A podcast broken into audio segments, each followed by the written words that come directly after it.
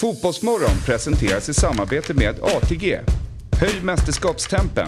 Spela på VM hos ATG. Simors sändningar från fotbolls-VM. Streama från 249 kronor i månaden. Carlsberg. Alcohol free. What's your game day ritual?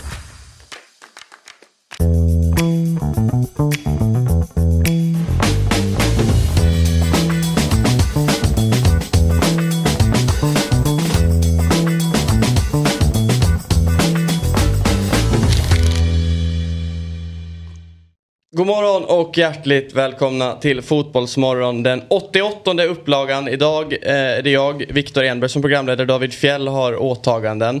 Bakom spakarna bildproducent idag. Filip Karlqvist. Bredvid mig Per. Tjena, Otto. Jumeus och Oliver Thomas Jernberg. God morgon. God morgon, god morgon. God morgon. Det är lite av ett, en redaktionspanel plus Per. Ja exakt. Det, Hur är känns ju, det? Nej, men det, det känns bra. Känns lite som ett utvecklingssamtal här kring, kring hösten. Eller där ni ska få berätta hur saker och ting egentligen ligger till. En liten sammanfattning här bara. Ja, precis. precis. Ehm, så jag, jag, jag är taggad på att få höra liksom, skvallret. Ja, det är ju nu, det, här, det är ju det här som egentligen är när liksom när det, det är slutet på året och budgeten börjar fallera. Det är då liksom vi slängs in. Ja. Oliver har ju suttit och skrivit slutrapport också. Han är ju praktik här. Så han ska egentligen ha en hel utläggning om sin period. Ja. Ja, det är det du har gjort senaste dagarna. Men jag är inte riktigt klar på den. Det beror ju lite på vad, hur det här slutar, hela eh, Fotbollsmorgon-äventyret. Om det blir en roast Mm. eller om det blir bara väldigt eh, lovord. Vi får se. Idag kommer det inte, men den kommer tror jag. Mm. Ja, du, du studerar ju ändå i den, kanske den ädlaste av eh, studentstäder i det här Ja. landet. I Uppsala ja. Precis. ja. Och det kommer ju med sin baksida att jag måste gå upp fyra på morgonen för att hinna hit till det här programmet. Ja, Eh, ja. men eh, ja. Det är en baksida. det, är en, det är en baksida, så är det. Mm. Absolut. Mm. Jag tänkte, eh, vi ska, jag ska precis berätta vad vi har. Vi har ändå ett fullspäckat program eh, framför oss idag. Trots att det blir liksom redaktionen har hoppat in i programmet, typ. Men jag tänkte säga det bara Otto, nu när du, du snackar i micken nu, det, kän- du satt väldigt långt ifrån. S- säkert. Ja, typ så här. Det är ofta så här, kan du be dem prata lite närmare micken? Och så sitter man Sitter själv i jag och programmet och fan låter. Men det är ju det här, jag är livrädd för det här bordet. Ja. Det svajar. Eh, men jag får sitta här. Bra. Mm. Återgå. Idag eh, så, eh, eller vi skulle, det spelades ju, den sista åttondelsfinalerna spelades igår och eh, idag är det ju faktiskt spelfritt. Ja. Det, Vilket- det, det, känns det tomt. känns- det känns tomt. Men ga, ganska skönt tycker jag ändå. Ja, eller alltså så här, man, man, man vänjer sig ju snabbt. För det är så här, när, när 11 matcherna var, Mm. då var det, då, det var ett väldigt stort hopp till att sen bara gå till liksom 16-20 matcher. Ja. Eh, för då har man ju vant sig med den där underbara liksom, eh, 10, 10 sändningen. Liksom. Eh, sen så blir det ett väldigt stort hopp ner till 16. Nu, nu har man ju liksom akklimatiserats till det. Eh, men man har ju mycket att se fram emot ändå. Man har ju mycket att liksom tänka på. Man vill ju inte hoppa rakt in i Frankrike-England nu. Man vill ju liksom bygga upp det lite grann.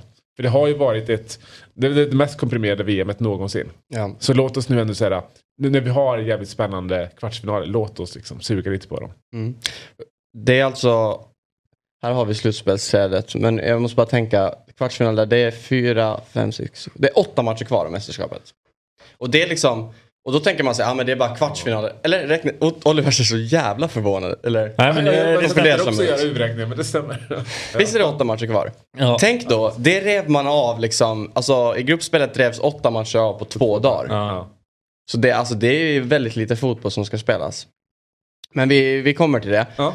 Klockan, eh, ja men det är ju typ om 10 minuter så ska vi få en Qatar-rapport från Noah Bachner. Noah i Doha som de kallar det på hans tidning. Mycket fint. Eh, mm, ja, helt okej. Det är Eh, Noah så- i Qatar. ja, ja, just det. exakt.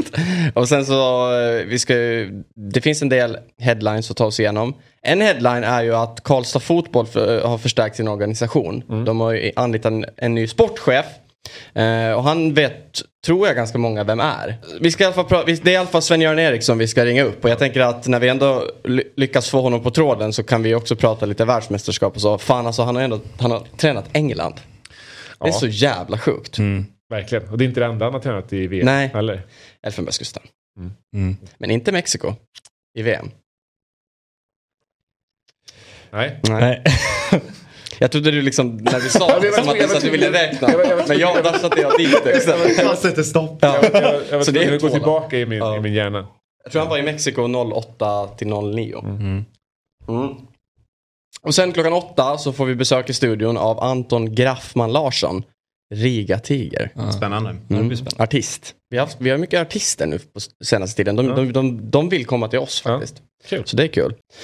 Men eh, innan vi tar oss an allting så tror jag att vi har med oss eh, Noah. Han, han messade mig precis att jag kommer strax in i sändning. Jag måste bara, vad skrev du? Väcka ögonen till liv. Öppna ögonen så här. Ja, öppna Eh, ögonen. Det, ja. Ja, Vi har vänt på dygnet ganska mycket här. För att, ehm, eh, matcherna börjar ju 22 lokal tid. Och sen så eh, är det transport hem från arenorna och presskonferenser och grejer efter. Så att det har varit ganska många nätter när man kommit till säng vid fyra, halv fem. Så, så att igår hade jag tidig match, jag försöka lägga mig tidigt. Men då stirrade upp i taket i två timmar och funderade på om någon spelare hade fått rött kort i hela turneringen. Det hade de. Googlade jag till slut. Fyra. Vem är det? Vem, vem är det som har fått rött kort? Abubakar. Ja, Både, Ja. både Wayne Hennessy och Abubakar. Just det. Ah, just Men det. det har man glömt bort. Ja, det känns, det känns som att det var känns jävligt länge sedan. sedan Ja, Hennessy åkte. Just Ja. det, det var ju Ward som fick kliva in mellan stolparna i- för Wales. Ja, men eh, vi, alltså efter typ första, ja men efter premiären så pratade vi med Olof. Då snackade ju han om att det var väldigt struligt med logistiken till och från arenorna. Har det, hur hur har det funkat? Du säger ändå om man kommer hem liksom halv fem på natten. Ja, alltså struligt. Allt beror på vad man jämför med. Eh, det tog ju lång tid att komma hem från matcherna i Ryssland också. För att arenorna ligger utanför städerna och eh, det är inte världens enklaste grej att få tag i transport hem och sådär. Men det de har här är ett system med bussar som går till ett sorts stort mediecenter i stan och det går smidigt att ta sig fram och tillbaka till och ifrån. Liksom. Därifrån ska man då få tag i taxi som ska köra en hem sen. Det är inte alls lika enkelt. Plus att en del arenor ligger ganska långt ifrån centrala Doha här. Så att, det är liksom att arenorna ligger i, är liksom inte i stan. Det, det marknadsfördes ju lite mer som kanske från deras sida, från arrangörens sida från början som att det var så extremt kompakt allting. Och det är det ju så, så tillvida att man kan se flera matcher på en dag men det är ju fortfarande ja, det, är inga, det är inte så att man går till och från hemifrån direkt. Nej. Men hur, eh, hur trött är du på Qatar nu då? Eh, nej, det är en tråkig plats tycker jag. Alltså en tråkig stad. Då en tråkig stad. Är en kuliss ganska mycket. Eh, det finns liksom ingenting eh, som, är, som jag upplever som speciellt typiskt för den här delen av världen. Det är så extremt amerikaniserat allting. Och, eh, så det, är liksom ingen, det är inte så, idag är det spelledigt då och även imorgon. Det är inte så att man liksom känner att äntligen kan man ge sig ut och upptäcka den här platsen. Så att det är snarare att det hade varit skönt att åka hem i två dagar och sen komma tillbaka. Ja, men har ni någonting planerat nu då när det blir lite ledigt? Ja, vi måste göra lite små saker i jobben då. Vi ska inte vara lediga helt och hållet. Men däremot så... Det finns en mediabar på presscentret eh, där de säljer eh, långburk Budweiser för 120 kronor. Så vi tänkte Ja. försöka suga i oss en dag i alla fall. Ja. Det är väl den enda planen vi har. Är är det, är det där man, alltså man får, man får, de kostar sådär mycket som du berättar nu och så är det väl så att man får köpa fyra per person? Är, är det inte så reglerna är? Nej, jag vet inte vad det Jag vet faktiskt inte vad regeln är för oss. Det där är ju, så är ju regeln i fansen. Alltså Ah, för okej. fansen. Då får de köpa fyra stycken per kväll. Och då är de ju ännu dyrare tror jag. Eh, så- Alltså det är väl 150 spänn per person. För jag tror att mina kollegor var där och sa att, liksom att det var en min på alla besökare när de stod i kön och väntade på att köpa öl och en annan när de kom tillbaka med fyra blaskiga öl för 600 kronor. Så jag tror att det var 150 spänn. Är det fyra stycken under en, en match? Inte under ett köp? Ja, nej, jag tror att du, jag tror att du liksom förbrukar. Du, har, du får köpa fyra men inte fler på hela kvällen. Liksom. Ja, otroligt. Men du, eh, publiksiffrorna har ju ändå eh, varit eh, någonting som du har pratat ganska mycket om. Jag menar, alla har väl, det är väl ingen som har missat att det kommer ut eh, officiella siffror där det liksom typ är mer eh, människor på arenan än vad arenorna tar. Men det har ju kablats ut väldigt mycket bilder. Man ser ju, jag menar, om man satt och kollade på matcherna igår, det är ändå åttondelsfinaler i, i ett VM och det är ju, det är ju typ halvfullt på arenorna. Hur, eh, alltså, hur, upple, hur upplever man det på plats? Det är samma scenario på väldigt många matcher. Eh, en kvart innan avspark så är det halvfullt som du säger. Sen vid avspark så är det oftast liksom, det är rätt många som tar sin plats ganska sent. Så då är det väl kanske ofta så här tre fjärdedelar fullt. Och i halvtid så har det blivit fullt. Eh, och eh, vi har ju tänkt på det där hela turneringen. Och sen ropade de ju ut att det var, att det var succé och fullsatt som vanligt. Sådär. Ehm, så vi, började, vi funderade på det här tid vad det beror på. Och jag hade själv teorin att, liksom att jag tror att de släpper på folk som inte har biljett för att fylla upp. Liksom. Och det, det, verkar, det verkar precis så det är. Och då har de ju någonting som de kallar för ett, eh, ett, eh, liksom, tackprogram för eh, många som har hjälpt till och jobbat med VM. Inte bara gästarbetare utan jag tror att det är liksom volontärer och andra också som har hjälpt till och jobbat med VM på något sätt. Eh, det här fick jag bekräftat från, från folk i Fifa också som sa att det är inte de som har satt igång det utan det är Qatars arrangörskommitté som har gjort det. Så efter samband med Danmark-Australien så var det så himla tomt på den arenan att då skickade vi ut, eller Filip Gadd som är här med mig från Expressen gick ut utanför arenan och eh, tittade hur det såg ut utanför och då står det ju liksom ja, det var hundratals, möjligen tusentals personer utanför och hoppas på att få komma in gratis efter avspark istället. Då. Eh, och då kan man ju se på två olika sätt att, att det är så de gör för att fylla upp arenorna. Det ena är ju att det är en välgörenhetsgrej som är beundransvärd, att det är bra att VM-arenorna fylls och det är väl ingen som säger emot. Det är toppen att folk får gå och titta på matcherna om det är så att de inte lyckas sälja biljetterna. Men eh, hur det här används i PR-syfte kan man också fundera över därför att de ju gillar ju att kabla ut bilder. De vill ju såklart att det ska se fullt ut på bilderna som kablas ut för världen. Men Fifa skickade ju pressmeddelande häromdagen och pratade om att det var 96% beläggning på arenorna och att det var fantastiskt bra jobbat av Qatar. Det stämmer ju inte. Alltså det stämmer ju inte att man har eh, anordnat ett världsmästerskap som folk från hela världen vallfärdar till och fyller arenorna. Utan tvärtom. Eh, det har varit otillgängligt och för dyrt för väldigt många supportrar. Eh, och så ska vi säga att det gäller framförallt de europeiska landslagen som ju dessutom då bojkottar, eller, liksom, eller bojkottar, men där fler kanske har inte rest hit av det skälet som Qatar allra minst vill prata om. Och det är väl den bilden då, att det här skulle vara ett obesökt eh, världsmästerskap Eh, av det skälet som de helst vill slå ner på. Så jag tycker att det där är väldigt bedrägligt rakt mm.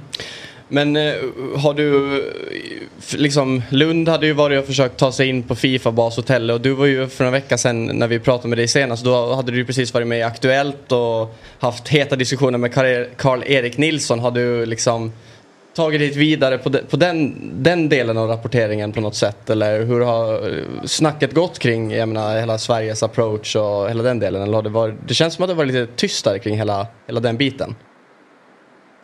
Ja, alltså eh, frågan om Sveriges inställning till Infantino var ju liksom avhandlad där när de hade sagt att de tänkte fundera fram till mars egentligen tyckte jag. Och sen så Eh, har ju inte de europeiska förbundens deltagare... Det, som har hänt sedan dess på den, i den frågan är väl egentligen det här med dels att Wenger var ute och skyllde resultaten och den fotbollsmässiga utvecklingen på att lagen som hade protesterat mot Fifa skulle ha gjort sämre ifrån sig på grund av det. Eh, det var ganska häpnadsväckande egentligen att Fifas chef för fotbollsutveckling försökte blanda in en helt påhittad förklaring för att skrämma förbunden till tystnad då egentligen till, till, nästa, till nästa mästerskap. Eh, Sen så tycker jag man vill se att eh, det har inte så mycket om Sverige att göra, men jag tycker väl att eh, det pågår en sorts andra våg här i, i eh, PR egentligen om att det här är ett lyckat mästerskap. Det ena var väl då det där Wenger sa, sen Fifa pumpade ut ett enormt eh, skrytpaket med pressreleaser här om eh, hur välbesökt det är och olika saker. Vi kan fortfarande se siffror i, i tv-tittningen att det är från många länder, att, eller i Europa framförallt, eh, nordvästra Europa, att det inte har varit lika mycket som som eh, det, kanske pekas på, men i, andra delar av världen har det varit jättebra tv-tittning. Så det, liksom, det, finns ju flera nyanser i det där. Eh, det kommer något citat som spreds ganska mycket här från en, en äh, engelsk kvinnlig äh, supporter som jag tror är anställd av Bean Sports också som sa att det var så himla skönt att vara på ett mästerskap där man som kvinna fick vara i fred. Mm. Att hon inte hade blivit liksom, ansatt eller folk hade inte ropat saker efter henne på olika sätt. Och det stämmer säkert att det har varit så. Hon skyllde då på att det var äh, Eh, Eh, eller menade då att det handlade om att det inte var någon fylla här. Eh, men det är ju också att det där är också en spinn därför att, att det inte är någon fylla här handlar ju om religiösa lagar. Liksom. Så att det blir liksom, man måste inte diskutera anledningarna till det. Så att, att vända, man försöker vända väldigt mycket omständigheter i, i, till Qatars favör. Och det märker man att det sipprar igenom en del i rapportering i västerländsk media också. Att, liksom, att folk här tycker att det är toppen. Ja, men det, och det, är liksom, det är klart att du kan åka hit som turist och, och eh, som vi gör och sitta i taxibilar mellan olika eh, eh luftkonditionerade lokaler och eh, dyra byggen och tycker att det här var inte så farligt i alla fall. Liksom. Det väl, jag tycker vi tittar en del på engelsk TV här också. Eh, framförallt på Beansports då, som ju har en helt, helt brittisk studio mer eller mindre. De är ju liksom helt oförstående till den här bilden av Qatar för de har haft toppen själva när de har varit här. Så det är lite det här blåögda, jag tycker att det kanske får lite mer utrymme just nu. Eh, att man märker att de gör en andra push nu när gruppspelet är över. Fotbollen har ju varit ganska intressant, ganska spännande på planen. Det har ju ingenting med Qatar och Fifa att göra. Att det är en bra match mellan Portugal och Schweiz igår och Portugal gör sex mål. Utan, eh, liksom, men men de, de solar sig ändå i varenda grej de kan just nu. märker man. Mm. Ja.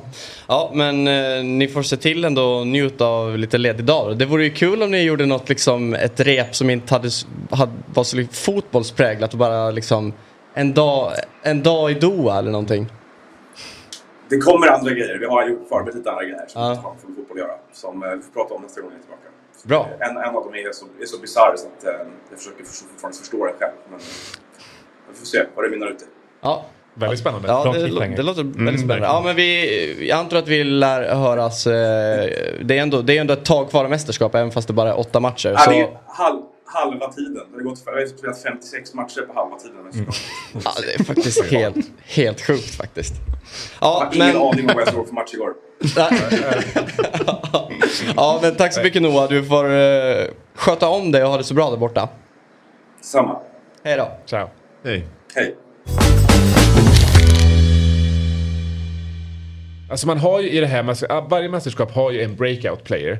Eh, som eh, inte är känd för, eh, för allmänheten. Så även om så här, fotbollstokiga eh, känner till dem. Som i fallet med James Rodriguez. Och nu i det här mästerskapet har vi, det är inte riktigt funnits någon sån. Man kan argumentera för att Gakpo Ja, är en sån. Kanske Musiala.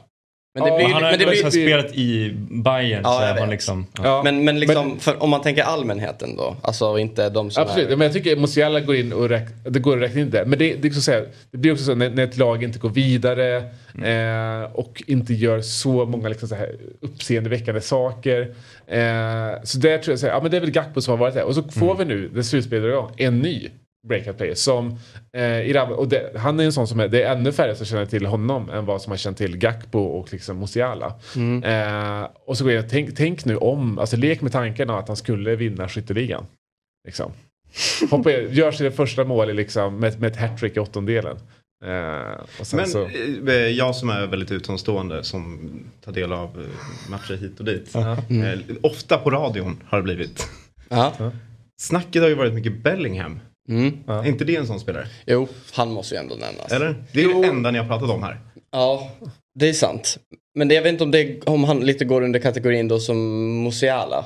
Folk har ändå haft koll Ja, på honom. okej. Men... eh, ja. Men det är också för att han är från England, är det inte det av den anledningen? Att Lite- vi har så jävla bra koll på. England Ja. liksom. Det är för en stor nation. Ja, men så här, i Sverige så har vi väldigt, alltså många har väldigt bra koll på England. Så Bellingham var det ändå många som inför mästerskapet var så här, det ska, vara, det ska bli kul att se Bellingham i VM. Det var inte så jättemånga som pratade, Men Viss, vissa, vissa, men Ni inte så många som pratade om Musiala. Englandsrunkare här inne. Det är ju det. Ja. Alltså, Jonathan Levi skrev igår, jag har aldrig sett spelaren. Jag Nej. älskar honom. ja, det är sant. Ni, ni är för Ja. Just det. in i han Jonathan Lev skrev att han aldrig sett Bellingham. Ja, han älskar honom. Eh, Och sen skrev han att eh, han är den enda som hade tagit en plats i Frankrikes eh, Ja. landslag. Och då Ja, gick ju det- David igång. Så vi hade ju med, vi ringde ju upp, eh, Okej. de, de bråkade lite Ja. igår i sändning. Ja, det kan jag förstå. För det är, det är ett häpnadsväckande uttalande. är det ju.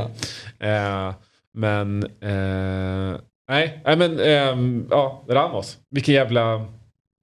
Ja, och sett till också, det, det blir ju så, det blir så annorlunda kring hela grejen med honom också eftersom att det, han blir ju ändå indirekt ersättaren till Ronaldo som bänkas. Och så kliver han in och gör tre mål.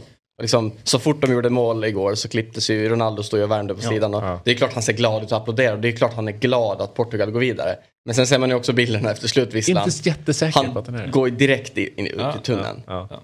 Det är som när man spelar klassfotboll igen.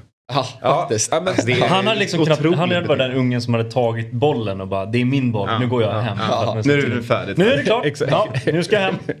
exakt, exakt. Mamma säger att jag måste gå in. Mamma ska- ja. Mamma säger att ni inte får låna bollen. Blir det måste ta Duty hem hela eftermiddagen. Ja. Eh, men det, man har ju verkligen liksom vänt, väntat och förväntat att, att, att eh, Ronaldo ska få det här bakslaget även i, även i landslaget. Mm. Utifrån Ja. hur han har betett sig under vintern men också efter matchen mot, mot Sydkorea. Eh, så man har ju väntat på den här, den här petningen och även liksom eh, eh, det portugisiska folket. För den här debatten med Ronaldo i startelvan har ju varit igång länge. Liksom under, eller under det här året i alla fall. Eh, med tanke på vilken, vilken breakout player har varit.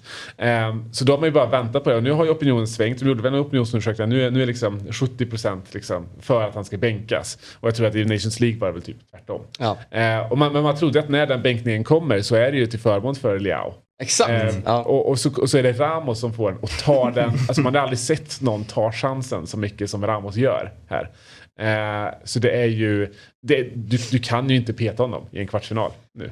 Det går inte. Nej, och det är ju det som är så intressant ändå nu. Alltså, det är en intressant sist, för det är ändå, alltså, det är ändå balls att, Mm.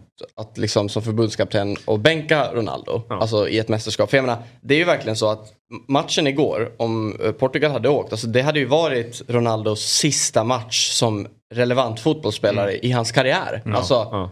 Som, nu är det ju ingenting är klart och det var ju någon intervju igår läste jag att han hade liksom nekat alla Mm. rykten om att han är klar för den här saudiska Al Nasser-klubben. Mm. Men det känns ju ändå, det är ju Marcas uppgifter att han ska vara klar. Då. Det har ju rapporterats väldigt mycket om det och det känns väl som att det kommer ske. Men alltså efter VM, då kommer, alltså ingen kommer ju, det är klart att det kommer rapporteras om man gör massa mål och sådär. Men det, han kommer, ju- det är ju sista gången han är relevant nu. Mm. Så är det ju. Nu, nu är det slut. Liksom. Hur, hur skulle han reagera om eh, Portugal går till final? Ja, jag tänkte Ronaldo får, eller hoppar in, Och att man avgör. möter- Är, det- är det dubbel Ja. mot hela arenan? Har han det i sig? Ja, alltså, eh, in, in, eh, in, Det blir inte ju en the last sy. Ja, man, ja. det, det, han är det- så The. Last Sea. Ja. Fy fan vad jag inte vill se den dokumentären om fem år på Netflix. The Last Sea. Pier, Piers Morgan är, är berättarröst genom hela. Fan. Alltså, jag, tror, jag tror att från Ronaldo har vi sett den lästa, den lästa Swin. Ja. Eh, men det vore underbart om, om, om, om, om, om Ramos gör den. Ja. Sen. Åh.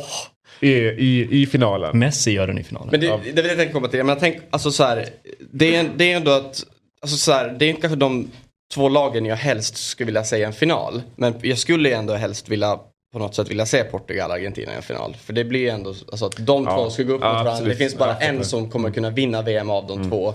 Som kommer kanske höjas i historieskrivningar och sådär. Ja. Och tänk då också om, om de ska mötas i en final och Ronaldo startar inte den. Och Messi, det, liksom, alltså bara den grejen. Ja. Det, måste ju vara, alltså det måste vara så förnedrande för honom. Det här är fantastiskt.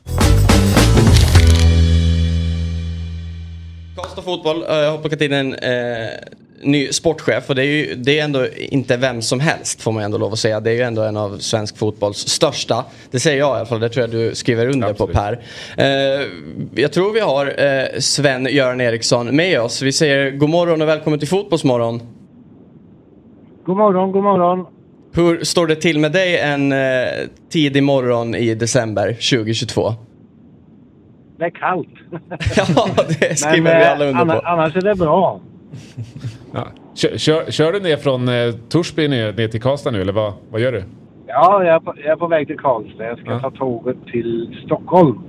Jaså? Jag har eh, lite att göra där idag och imorgon bitti. Okej, men du, eh, berätta. Du har en ny roll eh, inom eh, svensk fotboll. Sportchef i Karlstad Fotboll. Varför, varför blev det Karlstad Fotboll?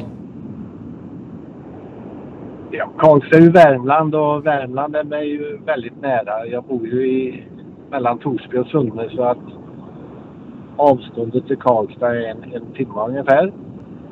Sen eh, har jag ju alltid eh, drömt liksom om att Karlstad ska ta steget upp eh, på elitnivå när det gäller fotboll också. Karlstad är ju länshuvudstaden och eh, det är ju en enormt bra idrottsstad som har det mesta. Hockey, bandy, friidrott och allt vad det är. Men fotboll har liksom aldrig lyckats. Och nu eh, är det då bra folk i klubben och eh, ett projekt som jag tror på och vill vara med på. Mm. Är är det ambitionen att man ska alltså, kunna ta ytterligare steg? Men spelar ju division 1 nu. Alltså, är, är målet på sikt en plats i Superettan och kanske även Allsvenskan? Ja, det är definitivt ingen hemlighet att det är drömmen hos eh, fotbollsfolket i Karlstad och vi som är med i klubben nu då. Både spelare och ledare och direktörer och allt vad det är. Så att eh, det- är klart att det är målsättningen, det är det. Vi vet att det är svårt men ligger man i så kanske man lyckas. Det vore fantastiskt i så fall. Mm. Och jag menar, du, du har ju haft alltså jag, jag menar främst har du ju genom eh, åren nu varit, varit tränare men du har ju haft en del eh, sport, du har ju haft lite sportchefsroller och sådär utomlands. Eh, hur, eh, hur skulle du säga, vad, vad är den största skillnaden att kliva in som sportchef i ett lag i division 1? Ja, för min del är ju svårigheten, om man ska börja med det, att eh, jag kan eh, spela, spelarna på den nivån i division 1 och superettan. Jag kan det för dåligt eftersom jag inte har bott i Sverige speciellt länge. Eh, så där, där behöver jag mycket hjälp av folk i klubben och andra bekanta eh, som jag har runt om i Sverige. Eh, men det, det är ju jättespännande. Jag var rådgivare här under ett år. Och det är liksom inte samma sak. Nu är jag med och, och bestämmer och styr och ställer. Och det är ju trevligare. Vad, vad ingår i den här sportchefsrollen konkret? Är det liksom eh, bara fokus på rekryteringar eller är det något lite, lite mer övergripande sportsligt ansvar också? Eller vad, vad kommer ingå egentligen för dig? Ja, det är ju framförallt på seniorsidan då, den manliga, som eh, jag ska lägga ner eh, tid och kraft. Och eh, det gäller ju då att få tag i en tränare. Det har vi fått. Eh, hela tränarstaben. Vi håller på med det. Och sen givetvis eh, att eh, se till att eh, eh, spela, spelarmaterialet blir lite bättre än förra året. Det är målsättningen givetvis. Men eh, jag tänker så här, om jag hade varit tränare i division 1 eh, för en division 1-klubb, eh, Karlstad fotboll, och så, liksom, så kommer nyheter, ja, nu tar vi in en ny sportchef, det är Svennis som kliver in och jag tänker så här, okej, okay, Svennis alltså, han har tränat engelska landslaget, han har varit i Elfenbenskusten, det har varit Man City, det har varit Lazio, det har varit Benfica.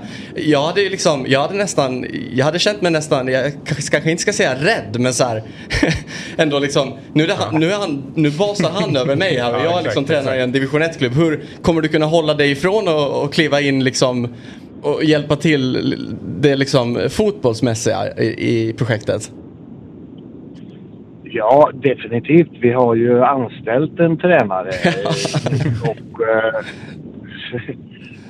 Jag litar fullständigt på honom och jag vet att han är väldigt duktig och har stor erfarenhet. Så mitt jobb det är ju inte att eh, gå in och kritisera tränaren. Det är i så fall att stötta tränaren. Och jag har absolut inga ambitioner att bli tränare här i, i Karlstad. Definitivt inte. Det behöver ingen vara rädd eh, för att mista jobb och sådana saker på grund av det. ja, det, om man lyssnar så är det ju tryggt att höra såklart. Men eh, du säger ju det att du har haft eh, en, liksom varit rådgivare och, och, och, så senaste tiden. Har det, har det varit aktuellt för dig sen du har kommit tillbaks på svensk mark att du har varit aktuell för någon annan svensk klubb eller har du, det har inte varit på tapeten? Nej, det har varit eh, några förfrågningar här och där på olika nivåer men jag har, jag har tackat nej till det. Eh, ska, jag, ska jag träna något lag igen då får det bli Liverpool. Treårskontrakt helst.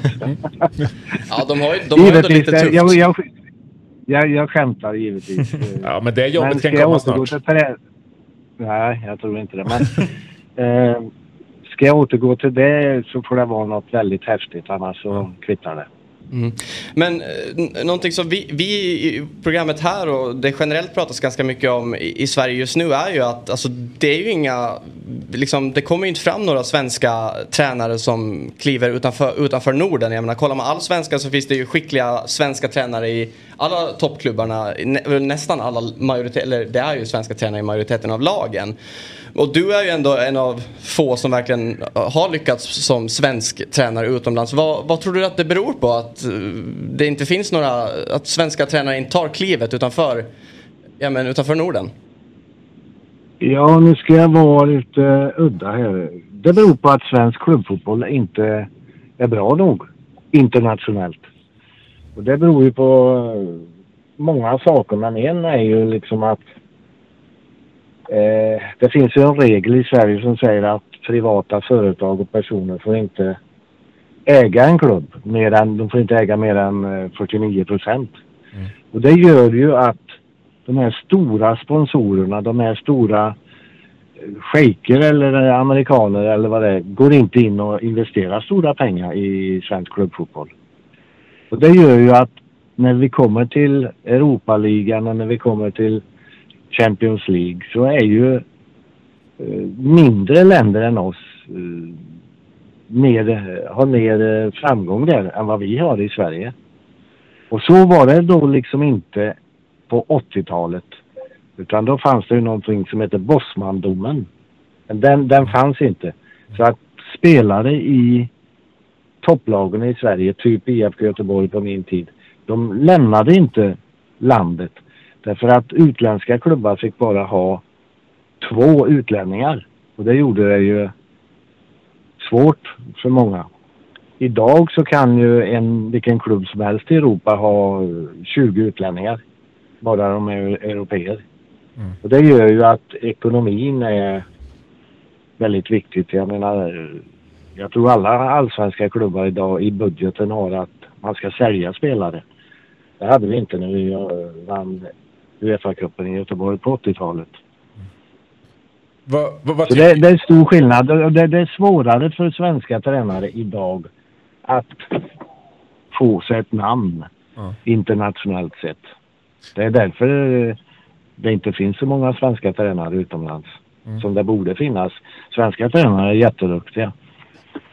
Det känns som att du identifierat liksom, eh, monetiseringen av svensk fotboll som ett litet problem där. Vad, vad, vad, vad är din syn på 51%-regeln då?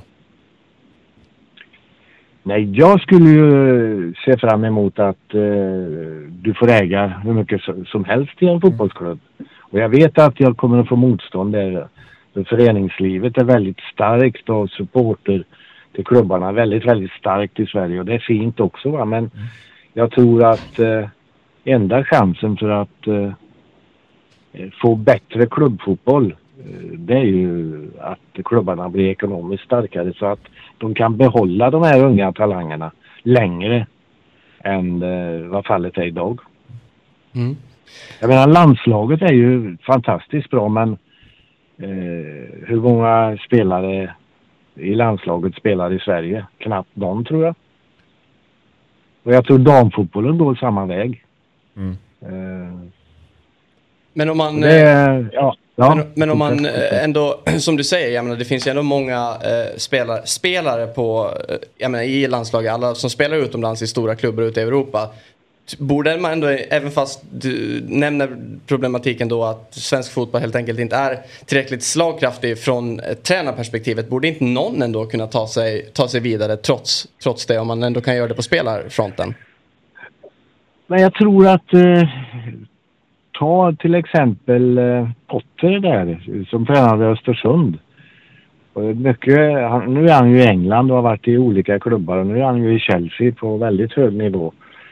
Och jag tror att eh, anledningen till att han fick chansen i sitt hemland, jag tror inte så mycket eh, det var att han var engelsman utan jag tror mer på resultatet han gjorde med Östersund. Han gick ju och klappade till Arsenal bland annat. Och det, då får ju folk upp ögonen runt om i Europa. Wow! Hur kan han eh, ha gjort ett så bra jobb med Östersund och att du vinner över stora Arsenal?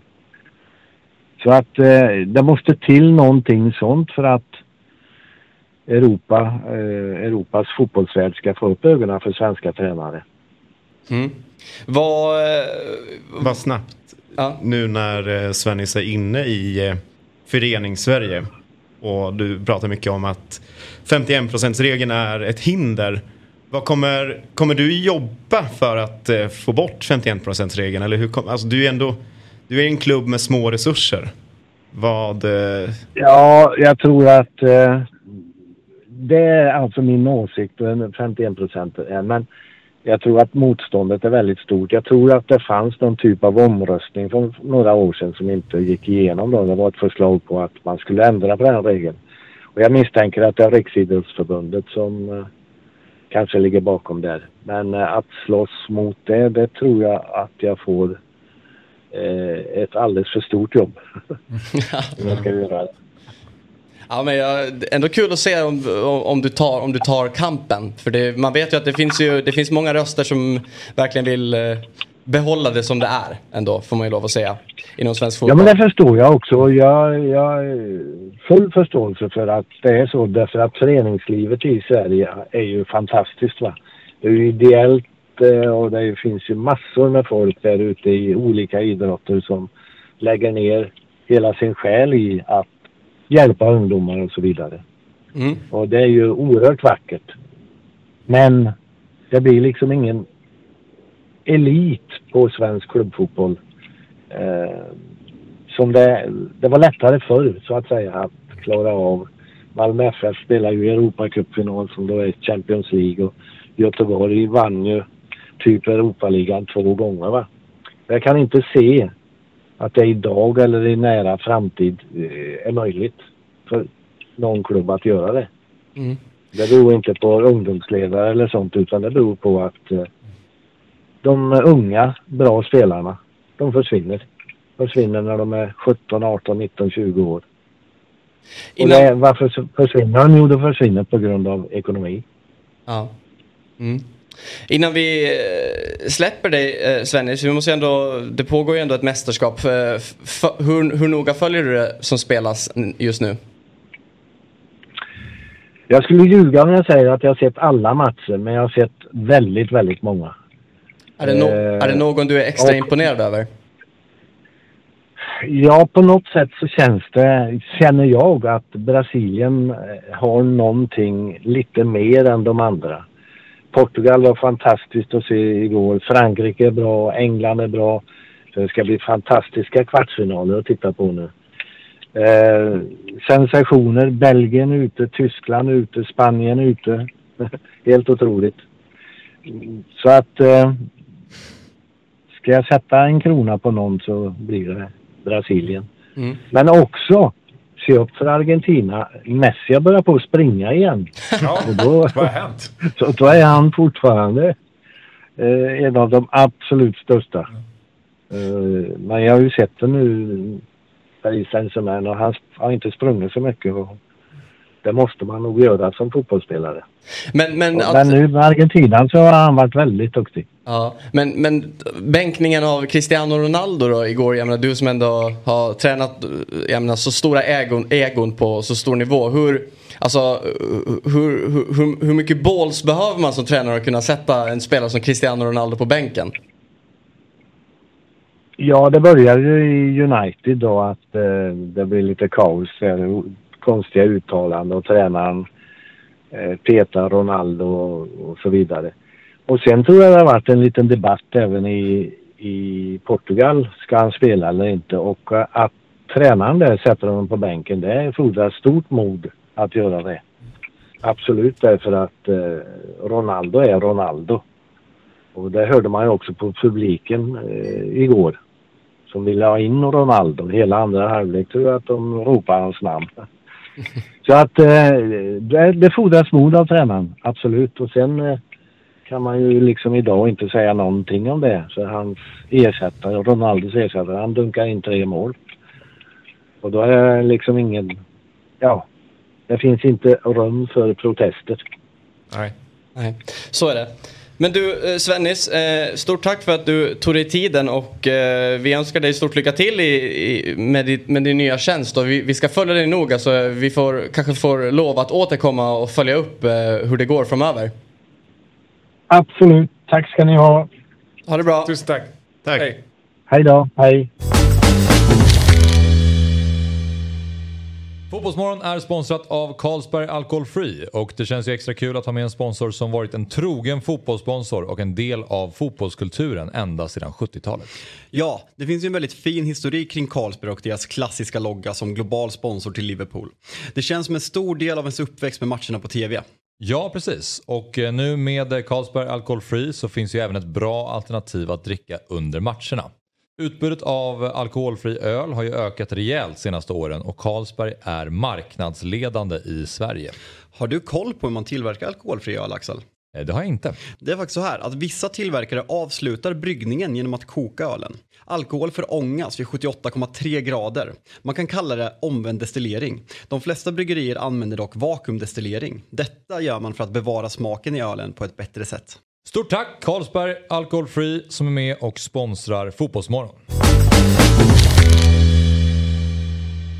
Då är eh, vi tillbaka. Vi, har precis, eh, eller vi pratade precis med senioren Eriksson. Eh, det är jag, Viktor Enberg, sitter i studion med Per Frykebrant, Otto Jurmeus och vi har slängt ut Oliver nu och eh, fått eh, en ny gäst i studion, Anton Graffman Larsson. Varmt väl välkommen till Fotbollsmorgon. Hej och tack. Tack så mycket.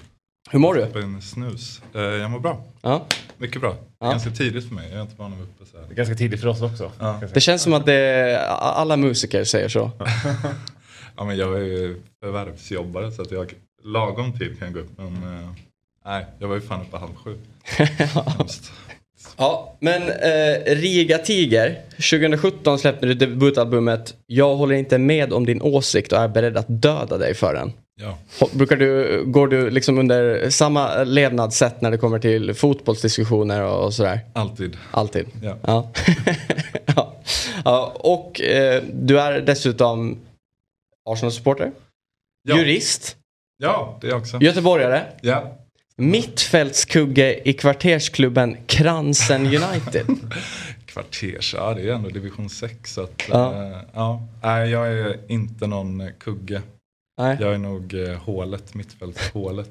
Var slutade ni i division 6? Vi stannar eh, Ah, okej. kvar. Eh, men eh, inte så mycket mer än så. Ja. Nej, jag är faktiskt... Vi bevakar ju division 6-lagen här i, i, i Fotbollsmorgon. Eller Okej. vi, vi, vi har ju sammanställt en tabell egentligen, nu är ju säsongen över, men eh, med liksom, vi kallar den för Sveriges bästa, Bästa. förlorare. Mm. Så har vi liksom, eller det är främst Otto och Oliver som har eh, letat upp alla de division 6-lagen som har det kämpigast. Och så har vi gjort en tabell av dem, så det sämsta laget är det bästa laget. Ja. Men ni, ni, så, ni är inte riktigt där än. Nej, alltså Nej. det är många bra lirare i laget faktiskt. Men det är väl som alltid i division 6 att det är... Oj. Ehm, Det är praktikanten. Gick det bra? Ehm, nej men det är ju lite bristande fokus kanske och eh, dedication. Även på mig ska verkligen sägas. Eh, men det är väldigt kul att spela. Jag eh, är bara fruktansvärt dålig. Ja. Det är väldigt tråkigt. Mm. I, är- I Stockholms division 6, finns det några gamla mm, storspelare? Nej, ingen man har stött på. Eh, Det som finns, vilket är jävligt underbart, är ju att det är väldigt många så lokala föreningar som har egna lag. Där det kan bli, vi mötte, fan om det var en marockansk förening, eh, på tal om matchen igår. Eh, där de, alltså det var så mycket folk som kollade på matchen.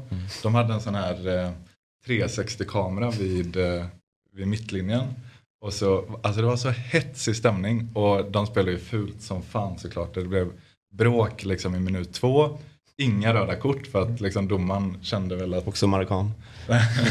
Ska inte säga det men eh, jag tror att domaren ofta kan bli så här. Om jag visar ut någon nu då kommer det här balla ut totalt. Ja. Och då blir det sen, ja de får sparka lite liksom. Och, och vi var också, alltså det var fult spel. Och sen eh, vi gjorde mål i typ 89 minuten. Gjorde 2-1 på en frispark liksom. Och det blev kalabalik. Direkt när matchen blåses av. Då var de, alltså de var så trevliga. Det var liksom, ja, alltså, alla är med på det, det här med fotbollen. Och det, vi har haft många sådana matcher mot något chilenskt lag också som har typ pyro och grejer. Det är underbart. Håller du fast då, jag, menar, jag, jag kan tänka mig att det uppstår en viss liksom, aggression mot dem under matchen och sådär. Mm. Och håller du fast då vid att du inte håller med, eller liksom, jag håller inte med om din åsikt och är beredd att döda dig för den. När matchen blåses av och de är trevliga eller är du liksom... Ja, men alltså det var lite den känslan. Ja. Att man hade ju inte glömt vad de hade gjort. Nej. Men å andra sidan var de så otroligt trevliga så att det var liksom, det fanns ingenting att gå i clinch mot. För att det var bara bra spelat, wow, grattis till vinsten. Ja tack, men vad fan höll ni på med? Nej, svinbra spelat i fotboll liksom. Ja, så att, eh, nej, inte i alla situationer då kanske, håller inte med. Men eh, jag dödar många. Men, Mm.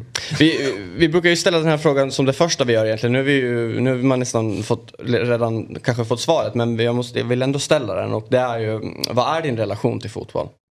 Ehm, den är ganska stark. Alltså, nu är det ju bara som supporter egentligen. Men eh, som alla var jag väl en lovande talang till skadorna. Just det. Nej, jag var aldrig jättebra. Men jag har spelat fotboll sedan jag var ja, liten. Ja. Och spelat väldigt mycket eh, i Göteborg. Eh, I ett Elfsborgs FF. Allbäcks gamla klubb. Jaha. Innan den mergade ihop till Elfsborgs FF. Eh, han har köpt vår, ehm, vad heter det, där vi byter om.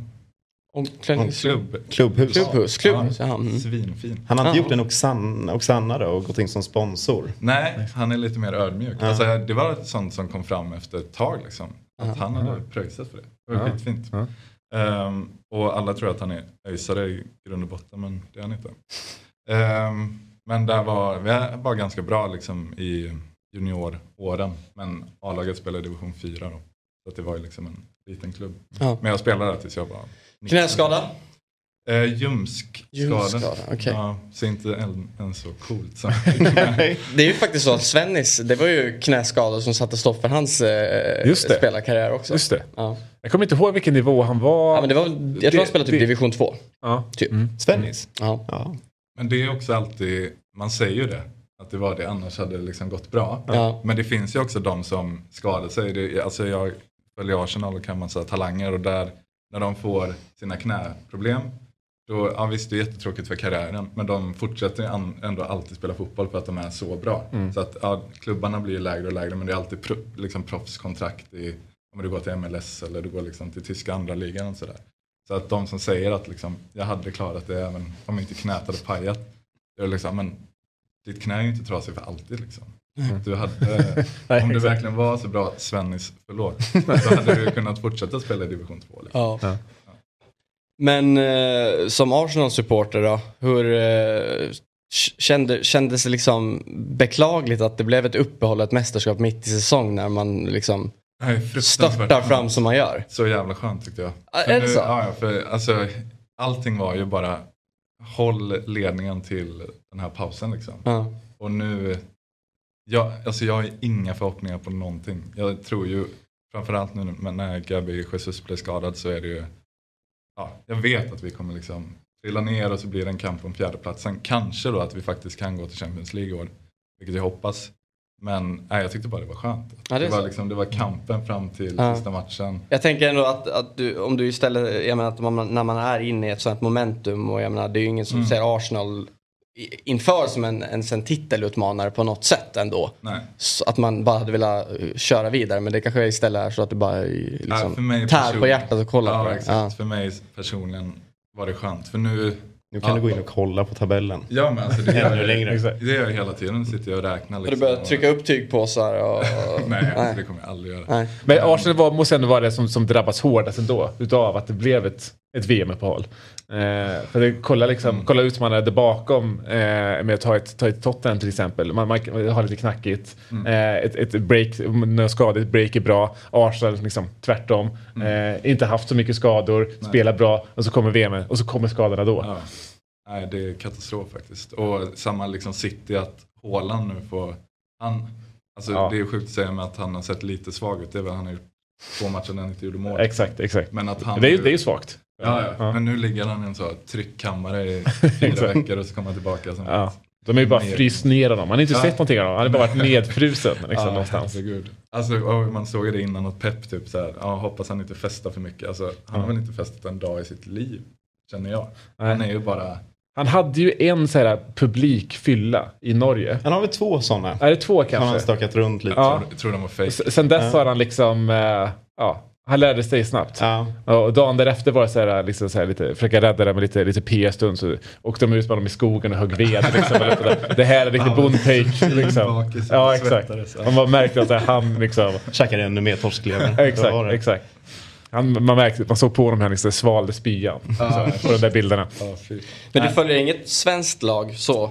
Nej, ehm, det är, jag har faktiskt aldrig liksom brytt mig om svensk fotboll riktigt. Jag såg när IFK vann ligan mot Trelleborg kan det ha varit på, på Ullevi. Och så, det var typ ja, en av mina första allsvenska matcher. Och då var jag var där med min pappa och min bror. Typ, och pappa sa så här, ska ni inte springa ner på plan och fira nu? Så jag, jag kände ju ingenting. Alltså, jag bryr mig inte om IFK, de är ett tråkigt lag. Så att nej, det har det inte varit. Jag var på, nu som en medgångssupporter var jag lite på Häcken i, när det Mm. gick bra för dem. Mm. Det var så deppigt. Åh herregud. Det är ju, jag såg att de fick lite skit när de vann och att de inte firade och sådär. Ja. Och det, jag kan bara stämma in med hatarna där. Det var ju det är inget tryck på den läktaren. Och- Häcken kan vi säga det om. Ja. Men sen är Göteborgsfotbollen väldigt deppig. Ja, och alltså ja, IFKs eh, liksom, supportrar är väl bra på det sättet. Ehm, att det är bra tryck och jag har liksom kompisar som liksom brinner och lever för IFK.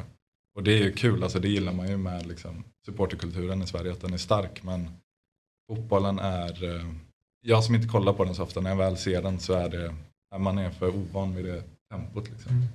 Så Nej, jag är nästan uteslutande Premier League. Alltså. Ja.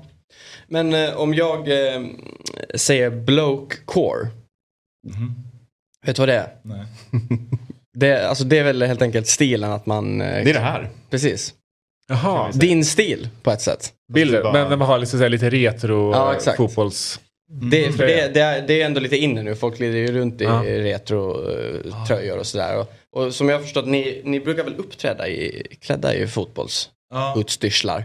Ja, eller jag har i alla fall Arsenal-tröja på mig. Ja. Ehm, och jag har noterat det där med, för jag samlar ju på retrotröjor ehm, och bara Arsenal liksom. Vi är ganska många som samlar på det med Arsenal. Det släpper ju en ny i veckan. Ja det gör de verkligen. Och nu också ganska snygga tröjor. Ja, exakt, När exakt. Adidas kom in. ehm, som, ja det blir dyrt. Men jag, jag, jag hade lite mer av ett beroende förut när jag Hur många har du? Eh, ganska många. Eh, inte så många snygga, för att det finns det inte så många av historiskt, men eh, jag har ganska många. Du är inte uppe på Niva? Nej, nej jag var på hans sån utställning och blev ju väldigt eh, inspirerad. Eh, men eh, jag har ju bara Arsenal att hålla mig till också. Så Mm. eh, det smalnar av lite, jag kan inte fylla ett lagerhus som han gjorde. Men eh, ja, och att jag har den liksom på scen, det, ja, det börjar väl som en lite rolig grej bara att jag håller på Arsenal och jag, Mm. jag har ofta Arsenal-tröjor på mig liksom i Ja. min vardag. Och då tyckte bandet att jag skulle ha det för att det var, det var jag, eller vad man ska säga. Ehm, men ja, jag har noterat att det är en trend. Och det är kul. Alltså fotbollströjor är ju generellt snygga. Det kliar inte i dig? I mig kliar det att eh, någon helt... Eh, någon som inte har koll på läget går runt i en eh, tröja som inte vet vad det står på. Ja, men det är ju lite som när, liksom den förra trenden då som var band-t-shirt. Och så skulle man Ja. ja. Men, säg en Nirvana-låt. Eller liksom. Jag var ett stort Guns N' Roses-fan som liten och så började de sälja Guns N' Roses-tröjor på Carlings. Det tyckte jag var, Ja. alltså, det var hemskt. Men eh, nej, jag tycker det är fint alltså. Men om du glider in på Carlings idag då, det hänger, hänger en Arsenal retrotröja. Klipp, klipper du den då eller bara stormar du ut? Nu, ja det där var bra. För det skulle jag nog gjort alltså. Alltså stormat ut. Jag tänkte säga vad. Ja. Köpt den och stormat ut. Jag tar den där, här är pengarna. Nej, men jag tror väl också, alltså det som jag kanske kan vända mig lite mot är de som har liksom retro fotbollströjor och så är det inget lag. Utan det är liksom, det har jag sett att några har. Aha, att det är så- den stilen typ. Ja, okej. Eh, det är väl lite töntigt. Men å andra sidan är det liksom, jag kan ingenting om mode men det är väl kanske en, en trend liksom och då, Mm. då får man bara lita på att folk har koll. Mm. Men om vi återgår lite till VM då. Håller du på något lag eller är det Sverige som är alltså Annars, Eh, annars skiter du i så och, England. och kollar på England? Starkt England. Ja. Ja. Och det är väl också Premier League-grejen och... Eh, Är du anglofil? Ja, lite. Mm. Det är jag. Eh, jag. eh, Jag står i kö till Emirates för att få säsongskort. Så att när jag, nu är jag väl på plats. Var? Jag fick en mail härom månaden. 52 347 i kö. Eller sådär. Det är som Stockholms bostadskö. grann. Man ser liksom, går in på en lägenhet man vill ha. Bara, Det är Betalar man för att stå i den? Eh, ja, man betalar för att komma in i den. Ja. Och sen har de, tyvärr har de ju lite sådär att du kan köpa något eh, Diamond Package, då kommer du fram tidigare i listan och sådär. Mm. Jag har ju bara Red Member eh, Classic. Eh, och det står väl att det är runt 12 års väntetid. Ja. Så att när, när den dagen kommer då flyttar jag bara. Ja. Ja, det är så? Ja, men det är också lite skönt att jag har lite framförhållning. Ja. Nu, det är många som ska dö innan det är min tur. Ja. Det är typ ett helt Emirates som ska dö. Om det är en liten tröst, om det är en liten tröst så är det i alla fall, det är en riktig jävla skit där innan ni har. Ja. Det, är, det är det faktiskt. Ja. Ja, otroligt tråkigt. Hur känns det som Arsenal-supporter? Per här håller ju på Tottenham. Ja, okej. Mm. Och jag menar att de bygger en ny arena och gör liksom allt rätt med den nya arenan i jämförelse med vad Arsenal gjorde när de byggde Emirates. Mm, men du vet, det är bara... Rymmer lite, några fler stolar för att den ska vara större, liksom, mer kompakt. Vad är det som är pissigt med arenan? Nej men att det, som, som med alla rymdskepp typ som byggs i, nu för tiden så jag menar Emirates är liksom, du sitter ganska långt ifrån, det blir inte den här menar, alla klassiska gamla engelska arenor, ja, som White Hart Lane var, som Highbury var, att du, du sitter så nära, du kommer så nära allt och det blir sånt tryck och stämning Mm. så verkligen. Det är ju, all, liksom Emirates är ju det som, så långt ifrån det. Men vi, vi som är Arsenal-supportrar säger ju alltid att det är mickarna är vända in mot plan på Emirates. Och på alla andra är Så när man kollar på TV Ja. då hör man inte trycket. Nej. Men när jag varit där så har jag insett att det är, Det- det- Nej, är det ganska dålig stämning. Nu har det ju, alltså, nu har jag inte varit där sedan det, liksom, i den här säsongen. Och inte förra heller. Men eh, det känns som det är mycket bättre. Ja men så är det det, det kommer väl med framgångar också såklart. Ja, och kanske lite mer att det faktiskt är ja, men, liksom, Londonbor som går dit. För annars det är ju sjukt mycket liksom, fotbollsturism dit. Och det, Mm. det fattar man ju, det är bra och det är det på alla arenor i princip. Eh, och då blir det ju lite lägre tryck, tror jag i alla fall, per automatik. Mm. Du, vi hade ju vi hade Jocke Åhlund och Frans Johansson på besök här igår. eh, och vi pratade lite om ja, men, låtskriveri och, och kom in på mästerskapslåtar och sådär. Jag menar, Framförallt Jocke han ligger ju bara jag menar, Jerk It Out och massa låtar med Teddy Bears som har varit med i Fifa och, och spelats i mycket fotbollssammanhang och sådär. Hur, hur ser du på mästerskapslåtar och den typen av musik som görs till det generellt? Eh, eh, positiv, men när de väl kommer är man ju alltid, tycker jag, alltså de suger. Ja. Eh, VM-låten senast, vad heter den? Bäst när det gäller. Ja. När den kom så var det ju alltså katastrof. Jag skrattade så mycket för den var så dålig. Och sen när det väl började då var det ju liksom Fy! När det blev mål. Alltså jag var så inne i den. Ja, det är så? Ja, den var otroligt bra. Eh, tar allt med en klackspark. Bra, bra låtskriveri. Eh, så jag tycker det är kul, men det är ju svårt också. Ja. Nu, jag tycker, man kan ju säga mycket dåligt om Qatar-VM, men den här lilla gingen på tv-sändningarna. Den, den, den, den, den. Otroligt. Ja. Alltså den sätter sig direkt. Eh, så ja, sådana där små detaljer kan jag verkligen uppskatta. Men eh, ja, det är få som lyckas. Men när de väl gör det. Ja. Den officiella VM-låten har inte direkt slagit i Jag har år. inte ens hört Jag det. kollade upp det igår, jag var Ja. såhär, finns den? Sen den Ja. heter typ Baja Baja. Ja, jag, jag såg Bajen, det. Bajen. Ja, jag såg de spelade den i, i, i studion när det var liksom, skulle vara ja, eh, invigningsmatchen där. Men jag, jag, jag, kan inte, jag kan inte säga ett ord från den, eller en Var, ton. var det lite så liksom modern produktion, lite dans? Ja men den, alltså, den är faktiskt, den har, ja, den är den, kanske den sämsta mästerskapslåten som har gjorts tycker jag. Ja. Så, så här musik när de står ute i öknen och... Men det brukar ju vara så lite, stort också till mästerskap att när, nu har låten kommit. Mm. Jag har inte hört någonting. Nej, Det, jag håller med. det borde de ju trycka på Ja. om de nu vill få till ett bra Ja, mästerskap. folk bojkottar mästerskapslåten. Ja, precis. Det är det. Spotify vägrar lägga upp den. Ja, exakt. exakt. Vilken mästerskapslåt håller du högst då?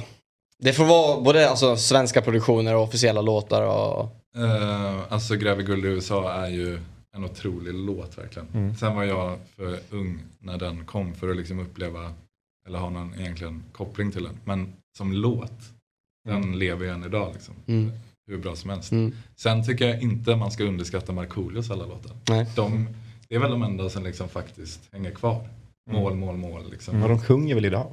Ja, alltså liksom, de är på arenorna. Ja. Det är ja, underskattad artist Markoolio. Mm. Han hade något. Ja. Så de, Han är finne. Ålänning där. Mm. Ja, ja, ja. Mm. Han- är min landsman. All respekt. Men är han, är han född i Finland? Eller är han... Jag vet faktiskt inte. Jo, Hans morsa är ju, hon är ju riktigt finsk liksom. Men det kan vara så att han är född. Han, han han snackar ju i alla fall. Ja, Ja, ja, det- Han gjorde ju lumpen och sådär i Ja. eh, Finland. Han är mer, Och- han är mer finn än vad jag är Markoolio Ja. jag säga. Men, men det är inte så då att jag, jag, kan- jag, jag kan tänka mig så här att jag menar mm, artister som gör verkligen som liksom hör alla de här mästerskapslåtarna de har ju en viss ton för att det ska gå hem hos alla ölstissiga gapande supportrar för det är ju ändå lite den kulturen det oftast är på läktarna att man kan Mm. att man ser ner på det men du känner inte så. Nej, alltså det är lite som mellogrejen och liksom allt som är, som är skapat för att bli kommersiellt typ, och framgångsrikt. Att det är ju en annan grej. Alltså man har ju inte samma respekt för det som någon som kanske ser det som sitt eh, livsverk att skriva en låt och sådär. Eh, det respekterar man ju mer som musiker då.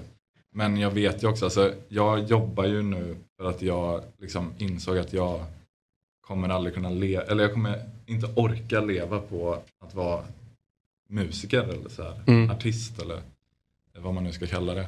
Eh, så att det är ju skitsvårt och då är, det ju de möjligheterna som finns. Så att man ska, jag tycker inte man ska lägga det på Markoolio och eh, Linnea Henriksson. Liksom. De gör det de behöver för att, eh, för att sjungas på arenorna. Mm. Kanske framförallt för att få cash. Ja. Mm. Och det, nej, jag tycker det är okej. Alltså, jag har blivit mycket mer förstående inför det. Eh, Jag var väldigt mycket anti sånt förut. Ja, är så. typ när Kent hade sin turné och hade så Sony Ericsson-loggan som backdrop. Då tyckte jag det var hemskt. Ja. Eh, pratas för lite om det tycker jag. Att de gjorde det. Eh, men eh, nej, jag är väldigt förstående för sånt nu. Så, så om du hade fått chansen, hade du tagit den? Oh ja. För cashen ska ju in. Cashen ska in. Och då hade jag velat göra det med Per Gessle igen. Alltså. Ja. Han sjunger så fruktansvärt dåligt så att det blir eh, otroligt. Alltså. Ja. Nej men jag tackar jag. Jocke Åhlund kan producera då. Ja. Vilka är det i eh, England, vilka är det som har Stone Roses som eh, inmarschlåt? Man United. Ja det är det. Ja, det This is the one. Ja. Spelar de i Paul Trafford. Är det den som är topp ett i England eller? Vad har Alltså inmarschlåtar typ. Ja. Nej, alltså, den, alltså så här, Paul Trafford den slår ju inte så mycket. Alltså, jag, de är ju jävligt bra Stone Roses. Så jag lyssnar på dem och jag håller ju på United. Och jag, det är en bra låt. Men det är ju inte så när- alltså, när det spelas att det liksom trycks som en inmarschlåt i Sverige. Jag vet inte, alltså jag menar. Det finns ju bara en i... Alltså, you never jag kom walk på alone. det när jag ställde är frågan. det Ja. Alltså det är ju Never Walk Alone som ändå är liksom... Fast den är ju så... Ja. Sen, sen är jag svag för uh, Newcastle Uniteds, alltså den här uh, Knopfler, eh, vad heter den? Never Going Home. Den ja. är så lite... Studsig, det, va? nej, ja exakt. Nu kommer, jag- den är väl från någon, jag kommer inte ihåg vad den heter, men den heter väl typ Theme Song, Never Going, någonting sånt i alla fall. Jag vet inte, vad spelar Tottenham? Eh, alltså vi, vi, vi, eh, eh, alltså, vi, vi har hoppat, hoppat lite. Eh, lite eh, liksom. Eh, och, och, för, för, det, det, det, det, det, jag tänkte på var med, med Arsenal. Har det, för jag, när jag kollade den här All or Nothing, Arsenal, eh, så var det ju, kom de med den här nya låten från en lokal artist. Är den inmarschlåt nu eller är det bara liksom en, en, en låt man sjunger på arenan? Nej, det är inmarschlåten. Det är inmarschlåten nu. Och det var ju... Hur, hur känner du med att det är en så ny låt som, som inmarschlåt? Alltså för den gjordes ju då för två... Exakt. Ehm, ja, men det var en ganska fet historia och någon gång måste man ju, den måste ju vara ny någon gång. Ja. Eh, det är väl bättre än som Liverpool, alltså det är väl Celtics från början. Mm. Eh, bara sno någon annans. Ehm, så jag tycker det är skitfett och det har ju också börjat bli lite tryck på den. Och det var, ja, han var ju, Louis Dunford heter han, han var ju liksom eh, lokal Ja. artist. Hade släppt en EP där den här låten var med. Mm. Och så spelade han runt om i London och så var det liksom alltid sjukt mycket allsång på den här låten som heter The Angel. Och eh, så var det, för han är från norra London och liksom många Arsenal-fans där som var på spelningarna som sa liksom det här borde ju bli Arsenals nya låt. Och så blev det en Twitterstorm att de började lägga upp det på Twitter när han Mm. liksom spelade den. Och så blev det så stort på bara två dagar typ. Mm. Så att han blev inbjuden till klubben. Mm. Och då när man satt där, jag är liksom är på lite Arsenal-forum och sånt. Mm. När det började bassas om det och liksom man länkar den här låten, så här dåliga inspelningar från någon pub liksom.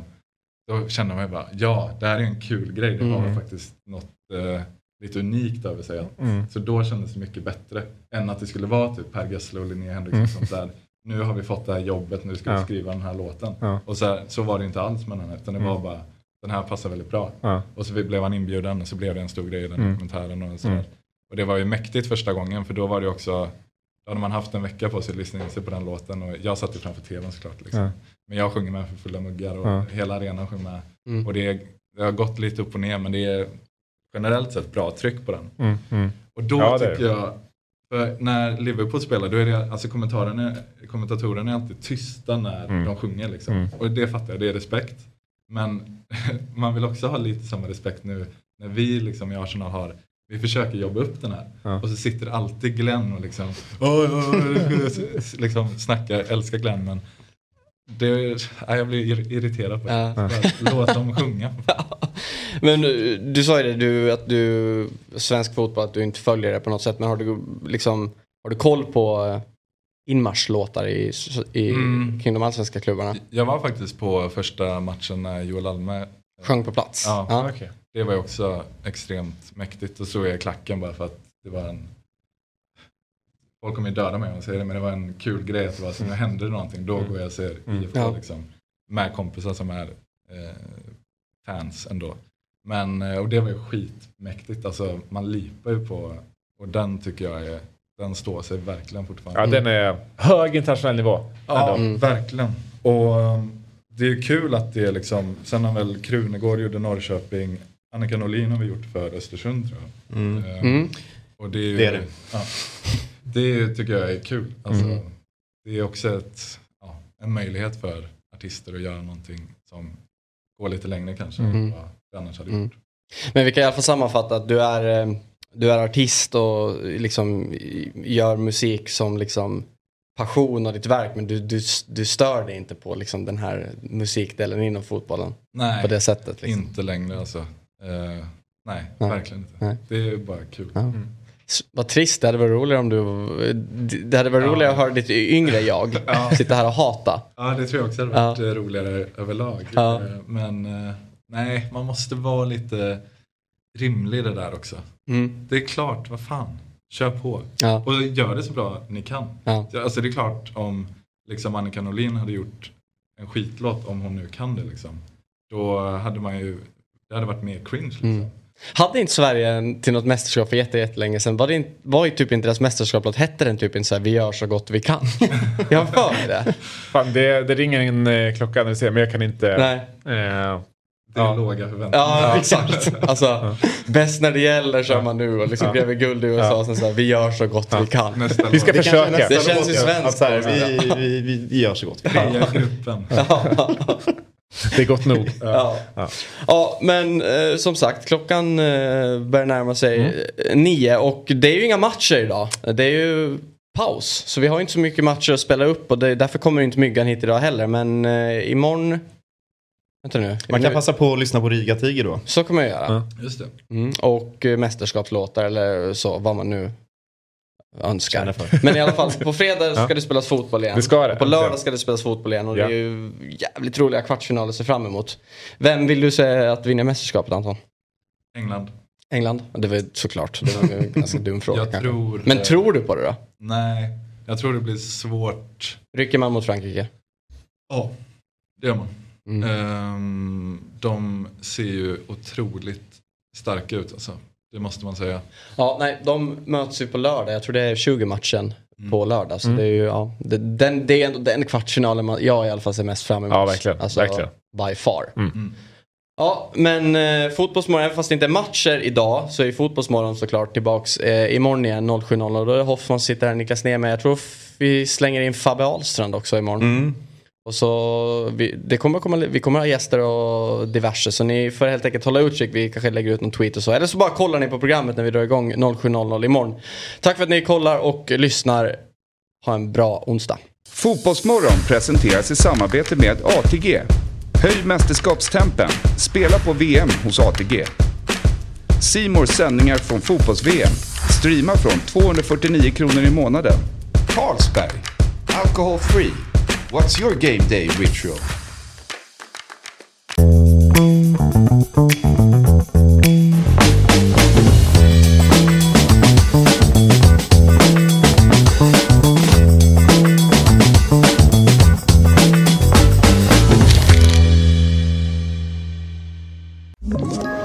Ett poddtips från Podplay. I podden Något Kaiko garanterar östgötarna Brutti och jag, Davva, dig en stor dos skratt.